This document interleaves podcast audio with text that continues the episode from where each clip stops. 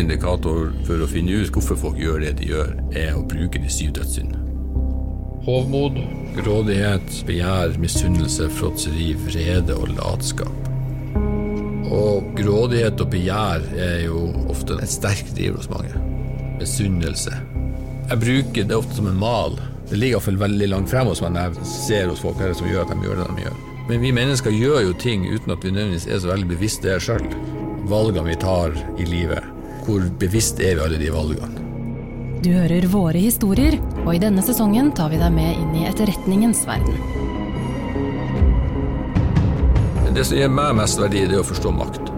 Forstå hvem som har makt. Har du ikke noe makt, da er du slave, eller eh, noen som bare overlever. Nei, uten makt er du svært liten. Dette er et univers hvor allianser endrer seg over natta. Og hvor det bildet du hadde i går, kanskje ikke er det samme når du våkner neste dag. Og vi tidlig får en sånn dårlig følelse. Det her er noe galt. Man er veldig påståelig og vil treffe, og påstanden har noe til oss som er viktig. Vi blir bare sikrere og sikrere på at det er noe muffens her. Hele denne magefølelsen ulmer ordentlig. Og tvil er en ganske sånn sterk følelse. Hvis du lar tvilen komme, så er den sterk. Det er et jag. Da må du grave og grave og grave og aldri, aldri slutte å søke det. Ikke dvel ved det gamle. Gå videre. Og så er det alltid et spørsmålstegn for det mennesket vi jobber med. Og det er ikke alltid at det mennesket gjør, er logisk. Våre historier er en podkast av Forsvaret. Jeg heter Hanne Marie Maugesten, og dette er del fire av fem i serien om etterretning. Episode fire De sju dødssynder. Det ringer i en av stofflommene i kofferten. Det er en av de telefonene som det har vært stille fra en stund.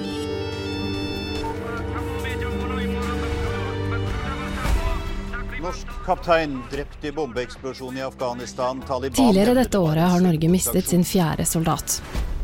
På morgenbrifene blir soldatene bedt om å følge ekstra nøye med når de beveger seg ut av leiren. Faren for IED-er, veibomber og selvmordsbombere er høy. Utover 2009 så drar situasjonen seg drastisk til. 2009 skilte seg helt klart ut. Den utviklinga i 2009 var helt annerledes enn det vi hadde sett før i 8 og 7 og 6 år. De norske styrkene har nå tatt over kommandoen for Gormak-distriktet nord i landet. Dette er en del av naboprovinsen til Faryab, hvor den norske leiren ligger. Her står Taliban og ulike opprørsgrupper sterkt.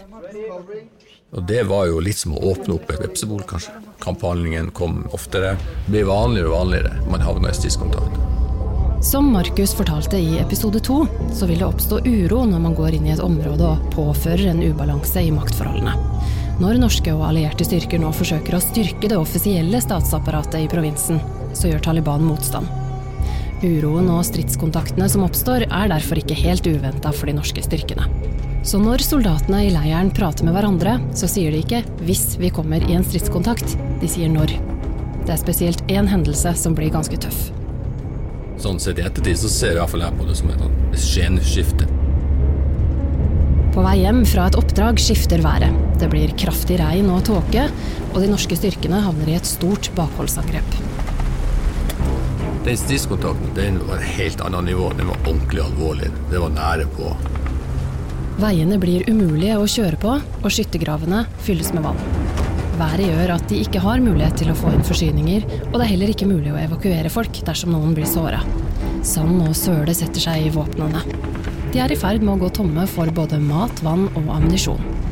Kampene varer i flere døgn, og soldatene må til slutt bruke drikkevannet sitt til å skylle og rense våpnene sine. De av mine kollegaer som var med på den, den stiskontakten Men det er klart, for dem var jo det, som for alle som var med, en, prøvelse. ja, det, det var um, vanskelig, kaldt og vått. I løpet av noen timer så er det 50 cm med vann i stillinga di. Det kommer gjørme på alt av utstyr. Og natta så dugger nattoptikken ned, så du ser ingenting. Vanskelig forhold å operere under. Ordentlig utfordrende. Så det var et lite Jeg oppfatter det som et, egentlig et lite sånn skifte i hele sikkerhetssituasjonen. Det ble et annet ballgame etter det. Og det er i denne perioden hvor det ringer i en av telefonene i kofferten. Det er noen som vil ha kontakt med Markus og gjengen hans. Han som tar kontakt, er relativt ny for dem. De kjenner han ikke så godt enda. Så du har ikke danna noe normalbilde, så du er usikker på det du ser. Så det gjorde også at man ble ekstra var på situasjonen. For å beskytte informanter så er det vanlig å gi dem kodenavn. Markus og kollegaene har allerede et kodenavn på denne mannen. Det kodenavnet det er gradert, så derfor bruker vi et navn som ikke ligner på verken kodenavnet eller et vanlig menneskenavn. Herfra ut så kaller vi altså mannen som ringer, for Yatzy. De norske etterretningsoperatørene tror denne Yatzy kan gi dem mye av det man kaller styrkebeskyttelsesinformasjon. Problemet er bare at han har oppført seg litt merkelig i det siste. Plutselig forsvinner han fra radaren. Blir helt stilt. Og det kan jo skje. Masse grunner til det, men det blir jo helt stilt ganske lenge. Vi prøver å få kontakt med han, svarer ikke, det er dødt. Og så plutselig så kommer han på radaren igjen. Hvorfor dukker han opp igjen, og vil ha kontakt akkurat nå? Og han oppfører seg på det var på tekstmeldinger til å begynne med. Han oppfører seg rart. Det er et avvik i forhold til det vi har sett før, og det vi ser etterpå. Fra før har Markus og operatørene vurdert Yatzy som en ganske kvikk og smart fyr. En de anslår at mest sannsynlig er up and coming i Taliban-ledelsen lokalt. På etterretningsspråket en person som har eller vil få aksess til informasjon. Men nå er det altså noe som ikke helt stemmer med Yatzy. Og vi oppfatta han veldig unnvikende på spørsmål hvorfor har du vært borte så lenge. Eller skjedde det noe, skjedde noe med familien din? Der oppfatter vi at svaret hans var unnvikende. Han avviker på måten han snakker på, og han er veldig ivrig på å treffe. Mer ivrig enn jeg var tidligere. Vi må treffes. Og vi tidlig får en sånn dårlig følelse. Det her er noe galt. Og han er veldig påståelig og vil treffe, og påstanden har noe til oss som er viktig. Vi blir bare sikrere og sikrere på at det er noe muffens her. da. Hele denne magefølelsen, den kommer Det ulmer ordentlig. Hva er det Yatzy vil? Hvorfor er han så ivrig? Og kan de stole på han? Så da står du overfor noen valg, da. Skal vi treffe han, eller skal vi ikke treffe han? Avdelingen til Markus fungerer som en etterretningssensor. Sensoren til Markus samler seg nå i konteineren de bruker som arbeidssted og operasjonsrom. Denne dagen er de to operatører, de to som har møtt Yatzy tidligere, og i tillegg til Markus så er også en analytiker med på møtet. En sentral del av jobben deres det er å vurdere menneskene de er i kontakt med. Og da er intensjoner og motiver viktig. Hvorfor forteller personen oss dette? Hva ønsker han selv å oppnå med å gi oss denne informasjonen? Og hva betyr det at han oppfører seg på en bestemt måte? Hva mener han når han sier det eller det, og hva er det han ikke sier? Alt dette begynner de nå å diskutere. Vi får ikke helt klart for oss hva det er som gjør at han har vært borte så lenge. Hva er dere redd for med han da? Det vi er redd for, er at han er snudd. Taliban har fått tak i han, har skjønt at han er i dialog med oss, og bruker han som en selvmordsbomber, tvinger han på et eller annet vis til å ramme oss. Enten å bære en vest som er vanlig, eller på en eller annen måte lede oss inn i et eller annet kalle bakhold eller telle en ID eller hva det enn måtte være. Det finnes jo mange måter å ramme oss på. Det er jo det vi frykter, først og fremst. Får man tatt ut etterretningspersonell, iallfall hvis man fikk kidnappa dem, så er det en sånn kjempeseier. Og det husker jeg vi hadde noen runder med at eh, vi må være ordentlig skjerpa nå. I sensoren til Markus så diskuterer de nå de mulige motivene til Yatzy. Det som iallfall var tydelig for oss, da, det er at grunnen til at han var kommet av radaren, var at det hadde skjedd et eller annet. Vi hadde ikke helt forståelse for hva det var. Det vi skjønte, var at han var veldig interessert i å møte oss. Og hvis du da tenker at ok, hvis han ikke vil oss vondt, hvis han ikke er snudd, hva er det han da vil med oss? Og hva slags verdi har det? Sånn at man må tenke begge scenarioene. Og hvis han da ikke vil oss vondt, at han ikke er snudd, hvorfor er det så viktig for han å treffe oss? Da har han jo kanskje noe. For det hadde jo allerede etablert, at han har tilgang på den informasjonen som vi trenger. Han hadde det potensialet vi var ute etter. Det var bare at vi var litt usikre på han i og med at vi kjente han så godt. Det var et avvik i hans normale mønster. Så dere lurte på om dere kunne stole på han, rett og slett? Ja, vi var jo veldig usikre på om vi kunne stole på han eller ikke. Veldig usikre på det. Hva er det som avgjør om du stoler på noen? Er det hvor godt du kjenner dem, eller hvor pålitelige de er? Hvis du skal se for deg den mest pålitelige personen du kjenner, hvem velger du deg da? Og hvorfor er det akkurat den personen? Det å forstå pålitelighet kan jo fort bli forstyrra av noen sånn kulturelle aspekt. Vi er veldig opptatt av tid. Mens eh, andre plasser så er ikke det så viktig. Det er ingen buss som går klokka fem over halv. Det er et annet forhold til tid. sånn at ja, kanskje jeg kommer. Det er jo et typisk begrep. Inshallah. Det er ikke vi vant til. Skal vi drikke kaffe i morgen? Ja eller nei? Ja, kanskje. Ja, ok, men Da får jo ikke jeg en time med buss for å kanskje ta en kaffe med deg. I etterretningsfaget er det viktig at vurderingene er basert på analyse og ikke synsing eller følelser. Derfor er det f.eks. vanlig å gi en score på pålitelighet. Et menneske som møter opp på et han vektlegger du mer enn han som kommer når det passer. Og det tenker jeg være rett. Det betyr ikke han er mer pålitelig i den informasjonen han gir deg. Det betyr ikke at den informasjonen som han som møter klokka ett, er noe bedre enn han som møter klokka fem over halv to. Der du og jeg kanskje ville gitt et ja eller nei-svar på pålitelighet, så opererer Markus og kollegaene hans med seks nyanser av pålitelighet. En karakterskala fra A til F. A er best og vil si fullstendig pålitelig, mens nederst har du F, som betyr at påliteligheten ikke kan bedømmes. Man har altså for lite informasjon til å i det hele tatt kunne bedømme. Vi liker det som er likt oss. Strukturert i fremlegging av informasjon, smil og er blid. Det vi kaller for folkeskikk, da, det syns vi er kjempestas. Mens en som er virrete og ustrukturert og har humørsvingninger, han eh. Det kan altså hende at en person som vanligvis er pålitelig, likevel kommer med dårlig informasjon, eller sier noe som ikke stemmer. Eller omvendt. En full eller forvirra person kan si ting som er sant, selv om han kanskje ikke virker som en person du bør stole på fordi han er rusa eller virrete og usammenhengende. Derfor er det så viktig å kjenne sine egne preferanser. Kjenne hvem du er som menneske. For du er ikke klar men du har tendenser, du har biaser som gjør åh, jeg liker jo han mye bedre.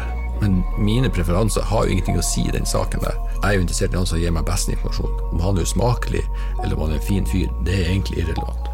Det er informasjonen som er grunnen til at jeg snakker med han. Ikke foruten om jeg liker han eller ikke. Karakterskalaene er altså viktige for å skille mellom person og informasjon. Hvor pålitelig er personen, og hvor troverdig eller riktig er selve informasjonen han kommer med. Også informasjonen sorteres og vurderes opp mot en karakterskala. Det som blir fortalt, kan f.eks. bli evaluert som sannsynligvis riktig eller mulig riktig. Og det er to forskjellige ting. Ingenting blir altså fastslått før det er vurdert. Og så er det alt det vi har med oss hjemmefra. Tankesett, kultur. Når man trer inn i en fremmed kultur, så er det mener jeg, viktig å legge fra seg de her moralske høye hester som vi rir på. Men du må ha respekt for at folk gjør det annerledes enn du gjør, og ikke er idiot pga. det. Du har respekt for at de er der de er og gjør som de gjør. Da er det lettere for deg å forstå hvorfor skjer dette her nå. Så enkelt som hvordan kan en far leie ut sønnen sin som jeg kaller leiesoldat for en terrororganisasjon? Hvordan kan du gjøre det som far? Det er helt utenkelig for meg. Det er moralsk forkastelig. Hvis du tar inn over deg at han får kanskje åtte barn, og han er nesten garantert på at bare fire av dem vokser opp, kanskje fem, så gir det et, et perspektiv som ikke du har sjøl. Han er nesten garantert at han har 50% tap på de åtte. Men du gjør det på vegne av de andre ungene dine. For de pengene som han får inn pga. det her, det er nok til å sørge for at de neste tre-fire månedene så har vi mat at fellesskapet kommer foran. De tenker helheter, ikke én. Individet er ikke det viktigste, det er gruppa. Mens her i Vesten så er det jo nesten blitt sånn at individet er foran fellesskapet. Og det, det, er viktig å frikoble seg fra det. Det mindsettet vi har her. Ellers har du ikke sjanse til å forstå det. Et annet eksempel er lojalitet. Der er vi gjerne litt kjappe med å konkludere, tror Markus. Vi ser på det å være lojal som en ganske fast størrelse, et svart-hvitt begrep. Enten så er du lojal, eller så er du ikke det. Men det er lett å være lojal når du er trygg. Og det er ganske enkelt å snakke om god moral når det ikke er noe som står på spill. Men i en utrygg og kaotisk situasjon så er alt mye mer flytende og skiftende. Det fins ikke noe rettssikkerhet. Kanskje kan du ikke stole på politiet. Valgene som må tas, er vanskelige. Kanskje må du velge mellom to familiemedlemmer. Der nede så blind lojalitet, det koster jo livet. Hvis du satser på feil hest, så er du ferdig. Så forstå den pragmatismen i det å overleve. Altså, om jeg velger den sida eller den sida, det kan skifte fra uke til uke. Det Det handler bare om å være i livet. Og det ser man jo at allianser skifter fortere enn vi vant til. Og det å forstå hvorfor det skifter, det tok litt tid å forstå hvordan det der fungerer. For vi kommer med et sånt utrolig forskjellig mindset til det å være lojal eller ikke lojal. Vi hadde jo hatt en helt annen forståelse det hadde vi vært prega av borgerkrig og indre stridigheter i Norge. Så vi hadde en helt annen oppfatning av det forståelse av, hva det betyr å være lojal eller ikke. Det er bare det at vi har hatt det fredelig og stilt og rolig i, ja, andre verdenskrig. Så liksom, ja, vi er jo bare skåna for å måtte ta de valgene. Vi trenger ikke det. Når Markus og kollegaene nå diskuterer hvorvidt de skal møte yatzy eller ikke, så handler diskusjonen lite om hva de synes om yatzy. Isteden handler det om hvor pålitelig de mener han er, og hvor troverdig informasjonen han har kommet med har vært så langt. I tillegg til å vurdere påliteligheten til yatzy, så gjør de også en risikovurdering. Både ut fra et negativt og et positivt scenario. Når man diskuterer sånne problemstillinger, så handler det alltid om hva er gain. For kost er ganske klart. Det ser man jo fort. Hvis det her går galt, så er det en pris man ikke er villig til å betale. Men hva er gevinsten? Og den er det kanskje lett å glemme. Og den hadde jo ansett som stor. Spesielt i den situasjonen som han var i da. Med en såpass redusert sikkerhetssituasjon. Så det det handler om var jo å få tak i informasjon som kunne være med å få en bedre forståelse for egentlig ja, force protection først og fremst, men også hva er det egentlig Taliban prøver å få til? Hva er det man kan gjøre for å redusere det, kontre det? Prøve å rette opp sikkerhetssituasjonen. Skal de møte ham, eller skal de vente? Og så sitter vi og diskuterer her, og så finner vi egentlig ut at nå blir vi prega av følelser. Det vi har sett rundt oss, det vi hører om, det det rapporteres om, med å prege oss. Vi tenker for mye konsekvens, og tenker for lite rasjonale. Vi må treffe han, for hvis det stemmer at han har noe som er viktig for oss, så vil vi gjerne ha det. Spesielt i den situasjonen som vi står i der og da. De norske styrkene antar altså at det kan være én eller flere selvmordsbombere som beveger seg rundt i byen på jakt etter å ramme norske eller allierte styrker. I tillegg er de usikre på om også yatzy kan være en sikkerhetsrisiko. Fremdeles vet de ikke om han ønsker å møte dem for å lure dem i en felle, eller om det er for å gi dem viktig informasjon. Det er altså flere risikofaktorer de må ta stilling til parallelt. Jeg kjente jo veldig på det å slippe ut mine operatører til å gjøre operasjoner i byen. Kjente på det at oi, vi bør biffe det opp, jeg bør ha flere, jeg bør ha ekstra lag med sikkerhet. Men det gjør jo bare at det øker sannsynligheten for å bli oppdaga. Mm, du er mer synlig. Ja, kamuflasjen blir dårligere. Så jo flere kjøretøy, jo flere bevegelige deler, jo større sjanse er det jo egentlig for at noen ser det. Hva slags innstilling hadde operatørene dine til å dra ut og møte han da? De vil jo få det her til. Jeg tror kanskje at i den situasjonen her, så den det var vanskelig for, var jo meg. Fordi? Nei, du sitter jo på det ansvaret. Alle vurderinger som tas, er jo til syvende og sist du som tar ansvar for om de er gode eller dårlige. Da. Så du må stole på metoden din, de vurderingene du gjør. Hva er det som er risiko her, og hva slags tiltak er det vi kan gjøre for å redusere den risikoen. Og stole på at det fungerer. Og sørge for at det er en omforent forståelse for hva som er kriteriene for å fortsette, og ikke minst hva som er kriterier for å avbryte det. Møtet med yatzy planlegges på lik linje med en operasjon. Her tas det høyde for flere ulike scenarioer, og hvor selv de små detaljene er tenkt gjennom. Et sentralt element er hvordan de skal finne ut om yatzy har på seg selvmordsvest. Den enkleste måten det hadde kanskje vært å bare be om å få kroppsvisitere ham, men det ønsker ikke de norske operatørene å gjøre denne gangen. For det å vise åpenlyst at du ikke stoler på noen, er ikke nødvendigvis så bra for relasjonen. Tillit. Det handler om tillit. Hvis du kommer hjem til noen de sier 'stå i ro, la meg kroppsvisere deg'. Å ja, ja, du tror at jeg er en sånn? Nei, det går ikke. Det er tillit. Og her tror jeg veldig mange andre som bommer, for de har ikke den tilliten. De norske etterretningsoperatørene har altså andre metoder for å sjekke ut slike ting, uten at de ødelegger tillitsforholdet til den de skal møte. Men akkurat den teknikken, den lar vi være å avsløre. MI-operatørene som nå gjør seg klare for å møte yatzy, har vært gjennom tre utdanningsbolker. En del handler om etterretningsteori. En annen del handler om hvordan man gjennomfører små eller store operasjoner som dette på best mulig måte. Det kan være alt fra antispaningstiltak, som å avdekke om noen følger etter deg, til hvordan de skal ivareta sikkerheten til kilden de skal møte. Den siste utdanningsbolken den handler om overlevelse. Det er mer klassiske soldatferdigheter, som f.eks. skyting, bruk av sambandssystemer eller førstehjelp. Å finne folk som er gode innen alle disse tre feltene, teori, metode og soldatferdigheter, det kan være vanskelig. Utdanningsløpet for å bli ME-operatør er ett år, men det tar gjerne flere år å bli skikkelig god i dette faget. Nå går Markus gjennom planen med operatørene. Og selv om mye er usikkert og det ikke er mulig å planlegge for alt, så er det likevel mulig å skaffe seg en viss kontroll ved hjelp av litt god planlegging. Og det er ganske mye du kan gjøre. Altså, okay, vi går ett steg, ny vurdering. Ett steg, ny vurdering. Ett steg, ny vurdering, avbryt. Eller nei, vi fortsetter. Altså, du må lage deg en sånn kjede av beslutningspunkter med klare kriterier for å fortsette eller avbryte. Et prinsipp er hellig for laget til Markus, og det gjelder gjerne de fleste militære avdelinger. Den som er på bakken, bestemmer. Den som står nærmest og syns at et eller annet lorter muffens, han har rødt kort. Man kan dra i snora når som helst. Det er viktig at når noen kjenner på at det her ikke fungerer, det her er noe galt, og han sier vi avbryter, så avbryter vi. Da er lojalitet til den avgjørelsen. Ferdig snakka. Det er viktig. Det må folk være trygge på. Så det er en av de viktigste sidene ved en sånn operasjon, det er at alle som er på bakken, vet at de har det kortet. Alle har en sånn stans. Hører nok. Har en dårlig følelse. Det er et eller annet her som skurrer. Operatørene drar av gårde. Markus følger operasjonen fra leir via sambandssystemene. Det er korte meldinger, det er forholdsbestemte ruter, og du vet til enhver tid hvor de er. Det er kodeord for alt. Ferdig med én fase, går inn i en ny fase. Du hører på den dialogen som er mellom de på bakken, observasjonene de gjør. Du hører hele utviklinga av operasjonen. Så den har du ganske sånn inni øret ditt. da. Da sitter jeg bare og vet ok, da kommer det et nytt beslutningspunkt. Ok, greit, vi går videre. Og det er mildt sagt spennende. Inne i leiren så har Markus et ekstra utrykningsteam på standby. De står klare dersom det skulle bli behov for det. For veldig mange er det direkte farlig å prate med oss, uavhengig om med en soldat eller en alliert i det hele tatt. Vestlige styrker. Så det er farlig for dem, på generelt grunnlag. Og det at de jobber med oss som jobber med etterretning, det gjør det jo enda verre. Så når de norske styrkene har planlagt møte med Yatzy, så har de ikke bare tenkt på egen risiko, men også lagt opp en plan som beskytter Yatzy på best mulig måte. Inntil operatørene og Yatzy er trygge på hverandres hensikter, så er dynamikken skjør og spent.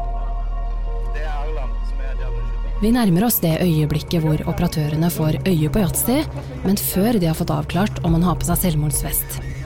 Vil Yatzy gi dem hjelpende informasjon, eller ønsker han å ramme dem? Og hvor mye stoler Yatzy på de norske operatørene? Han tar jo også en sjanse her.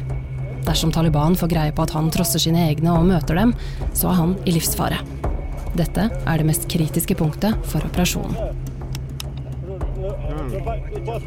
Og her forlater vi operatørene. Det er fordi det handler om metode, måten norske soldater gjør enkelte ting på. Det vil vi ikke at fremtidige motstandere skal kjenne til og utnytte. Men du kan se dem for deg når de nå nærmer seg yatzy. To norske operatører, en mann som nærmer seg i afghansk kjortel. Skarpt lys, støv og varme. Tre mennesker som har mye på spill, og som alle prøver å finne ut hva den andre vil, og hva de skal stole på.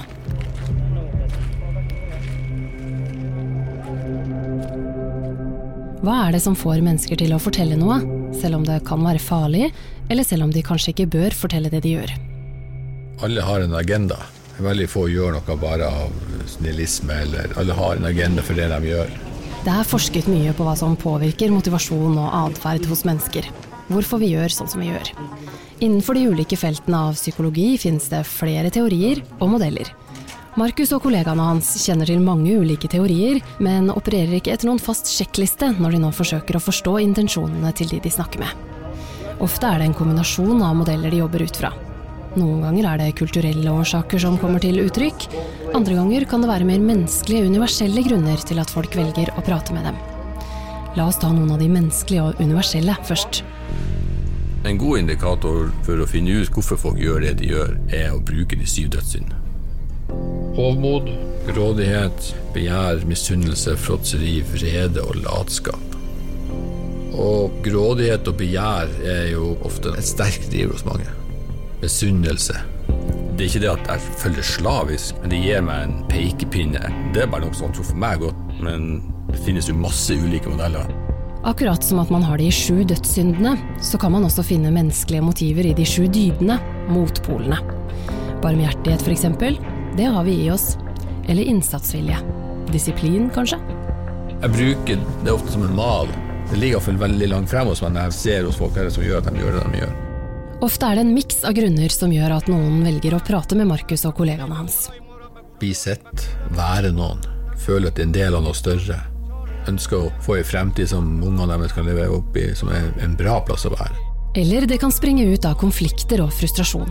Det kan være så enkelt som at de er uenig med en del av organisasjonen sin. At de syns at det er for lite vold eller for mye vold, eller de er uenig i måten man organiserer seg på eller prøver å få ting til. De syns kanskje at beskatning av de lokale bøndene og det lokale næringslivet er altfor hardt. De er kanskje uenig i straffer de påfører folk som gjør noe galt. Det kan være personlige konflikter som stammer fra tilbake. De kan ha personlige ambisjoner om å komme opp i systemet og tenke at hvis de gir informasjon, så gjør det det at de får en snarvei opp. Spenning. Jeg tror veldig mange lever kjipe liv og gjør de her tingene for at det bringer form for spenning. Du blir betydningsfull på et eller annet nivå. Og gjerne bare ditt eget hode, men du er noe. Så kan det være mer kalle gode motivasjoner. De ønsker en annen fremtid. De ønsker et fredelig land. De ønsker at ungene deres kan vokse opp i velstand, få skolegang, leve et fint liv. Som de aller fleste mennesker ønsker, egentlig. En modell som gjerne går igjen i etterretningsteori, er modellen MICE. Den tar utgangspunkt i at det ofte er noen hovedmotiver som gjør at mennesker velger å samarbeide med en motstander. Disse motivene dukker gjerne også opp i film, TV-serier og romaner. MICE står for money, penger, ideology, ideologi, compromise, tvang eller press, og ego, ego. Vi mennesker gjør jo ting uten at vi nødvendigvis er så veldig bevisst det sjøl. Valgene vi tar i livet, hvor bevisst er vi alle de valgene? Amerikaneren Aldrich Ames skal f.eks. ha vært drevet av penger da han som CIA-agent ga informasjon til KGB på 1980- og 90-tallet. De fem britene som gikk under kallenavnet Cambridge Five, var drevet av ideologi og ønske om det de mente var en bedre verden, da de ble rekruttert på 1930-tallet. I TV-serier og romaner hører du også gjerne om folk som blir utsatt for press og tvang, f.eks. gjennom såkalte honningfeller. John Wessel, som jobbet for britiske UD, er et eksempel her. På en fest ble han skjenka og fotografert i avslørende situasjoner med andre menn, på et tidspunkt hvor homofili fremdeles var forbudt. Bildene ble brukt til å presse ham til å oppgi informasjon. Den siste faktoren er ego. Det vil si mennesker som går over til motstanderen fordi de føler seg misforstått, forbigått eller lite anerkjent av sine egne. Man skulle kanskje tro at press eller tvang er effektive midler for å få folk til å fortelle deg noe, men det er det ikke nødvendigvis. De som er drevet av ideologi eller ego, kan være vel så gode kilder som de som f.eks. bare er ute etter penger. Vi opererer ikke med press og tvang, og som man leser en del om andre plasser. Det har vi ikke noe tro på. De som jobber med oss, de jobber med oss helt på frivillig. Hvorfor har dere ikke noen tro på press og tvang? Nei, en, Det er som å dra noen etter seg som vil eller ikke vil. En relasjon hvor den andre parten vil være med, blir mer fruktbar. Det handler om ansvaret og I disse områdene så er det potensielt farlig å jobbe med oss. Og da må de ha lyst til det. Å tvinge noen til å gjøre noe som er farlig, det er en ligning som går ganske galt. da. De må ha lyst. De må ha en, en indre motivasjon som er skapt fra innsida, og ikke noe som vi påfører dem. Det har noe med det at du det blir en annen kvalitet, rett og slett. Noen av de som tar kontakt, tror kanskje det er mye penger å hente på å fortelle om sine egne. Vi har hørt om at eh, andre nasjoner betaler masse penger bare for å møte opp. Alt trenger ikke være forankra i virkeligheten. De har jo òg noen sånne bilder av hvordan ting skjer i Vesten som ikke har noe rot i virkeligheten. Markus mener informasjonskvaliteten ikke nødvendigvis blir så god dersom folk er veldig opptatt av penger. Folk føler seg mye mer som en som selger ut sine egne hvis det er penger involvert. De har andre grunner til at de forteller om egen organisasjon enn å få betalt for det. Så det gjør at når du gir dem penger, så oppnår du motsatt. De føler seg bare mer tyster, mer illojal med å få penger for det. De har kanskje i sitt eget hode en opphøya grunn til å gjøre det. Og I det øyeblikket du skyver en brun konvolutt over bordet og gir dem penger, så føler de seg dårlig av det. Operatørene til Markus er veldig forskjellige og kan egentlig ikke beskrives som en bestemt type, men noen trekk er greie å ha. Evne til refleksjon, definitivt, hjelper deg godt. Samvittighetsfull er noe som likte hos meg, for hvis du er en som står på å jobbe, så får du mye til, da. Det å være samvittighetsfull trumfer ofte mye talent, da, for du tar det igjen på arbeidsmengde og innsatsvilje. Og så er det fordel å være interessert i mennesket. Hvis du ikke er det, så er det ikke så lett Så røre seg i menneskelige relasjoner. Det er ofte en fordel. Ha litt heft for det. I samtalene som etterretningsoperatørene har, så tror Markus det er en fordel å stille med et åpent sinn og være litt nysgjerrig. Det handler jo om en sånn mental tilstand på å ikke se dem som en fiende, men som en kilde til informasjon. Og ikke gjøre det personlig. Du driver og skyter på mine norske venner eller andre allierte, så derfor så er vi en fiende. Den tanken må du skyve vekk. Og prøve å se at det er folk Og ikke minst forstå at dette er folk som mener at det de gjør, er rett. Jeg har ikke tro på at selv en talibaner er et utelukka ondt menneske. Det tror jeg ikke noe på. De gjør jo ting som i seg sjøl er ondt, men det gjør jo virkelig vi òg. Sånn at det der går jo begge veier. Men det er klart det er spesielt. Du vet at det ene øyeblikket så driver han og skyter på deg, eller andre kollegaer. Neste øyeblikk så sitter du og prater med han. Operatørene melder fra på sambandet. Møtet med Yatzy er gjennomført. Det er alltid litt spennende når operatørene hans kommer tilbake. Fikk de noe bra? Hva fant de ut? Og hvordan syns de at det gikk? I det tilfellet her så var det jo ekstremt spennende. Så vi var jo spent om det kunne være noe sånn som hadde vært årsak til at en sånn indre strid er hvem skal overta. Ei gruppe er ikke ei gruppe. Det er alltid mindre grupper i en sånn organisasjon som slåss om makta. Så vi håper jo at det kunne være en sånn at han har rykka opp, og dermed ville sitte enda nærmere beslutningsbordet, hvor ting blir beslutta og planer blir lagt. Og nå begynner en annen del av etterretningsprosessen. Det holder ikke bare å samle inn informasjonen, den skal jo også vurderes. Operatørene setter seg derfor sammen med Markus for å gå gjennom og diskutere det Yatzy fortalte dem. En av de tingene de var usikre på i forkant, det var hvorfor han plutselig forsvant i en periode. Var det fordi Taliban hadde fått greie på at Yatzy prata med utenlandske styrker, eller var det en annen grunn? I sånne miljøer, sånn som i Taliban, så er det jo stridigheter. Der er det òg parter som krangler om, slåss om makta. Og Der kommer folk litt lenger ned, og sånn, de kommer i skvis mellom de her. Så plutselig så blir du innlemma i en sånn type konflikt. Og det var det som skjedde med han. Han havna i en skvis mellom to av de lederne over han. Sånn at han havna bare rett i en sånn form for kamp mellom to ledere. Og var en periode redd for at han skulle dø, da. For sånne organisasjoner de omstrukturerer seg jo som alle andre. Bare litt tøffere omstruktureringstiltak da, enn det vi er vant til. Så når du får sparken der, så han var jo en som var up and coming, så han var rett og slett redd for at de var ute etter å ta ham. Så det har bare med det indrepolitikken i Taliban hadde ikke noe med oss å gjøre i det hele tatt. Vurderingene de har gjort av Yatzy i forkant, viser seg altså å stemme. Han var veldig interessert i å samarbeide med oss. Og så er det jo selvfølgelig en evig diskusjon om hva er det som denne lapskausen av drivere som gjør at de gjør det de gjør. Men han var jo en sånn som er en up and coming Taliban-kommandant samtidig som han jobber med oss. Om det er for at han ønsker å stige raskere i næringskjeden gjennom å gjøre det, at han tenker at det her kan gi han noen fordeler, eller at han tenker at denne her Taliban er ikke noe værende situasjon å være i. Vi har jo noen spekulasjoner, men vi vet jo ikke 100 Nei, for det høres jo veldig motsetningsfylt ut. Da. Ja, Det er det som gjør at dette er vanskelig å vri og jeg er ikke sikker på om de vet det helt sjøl.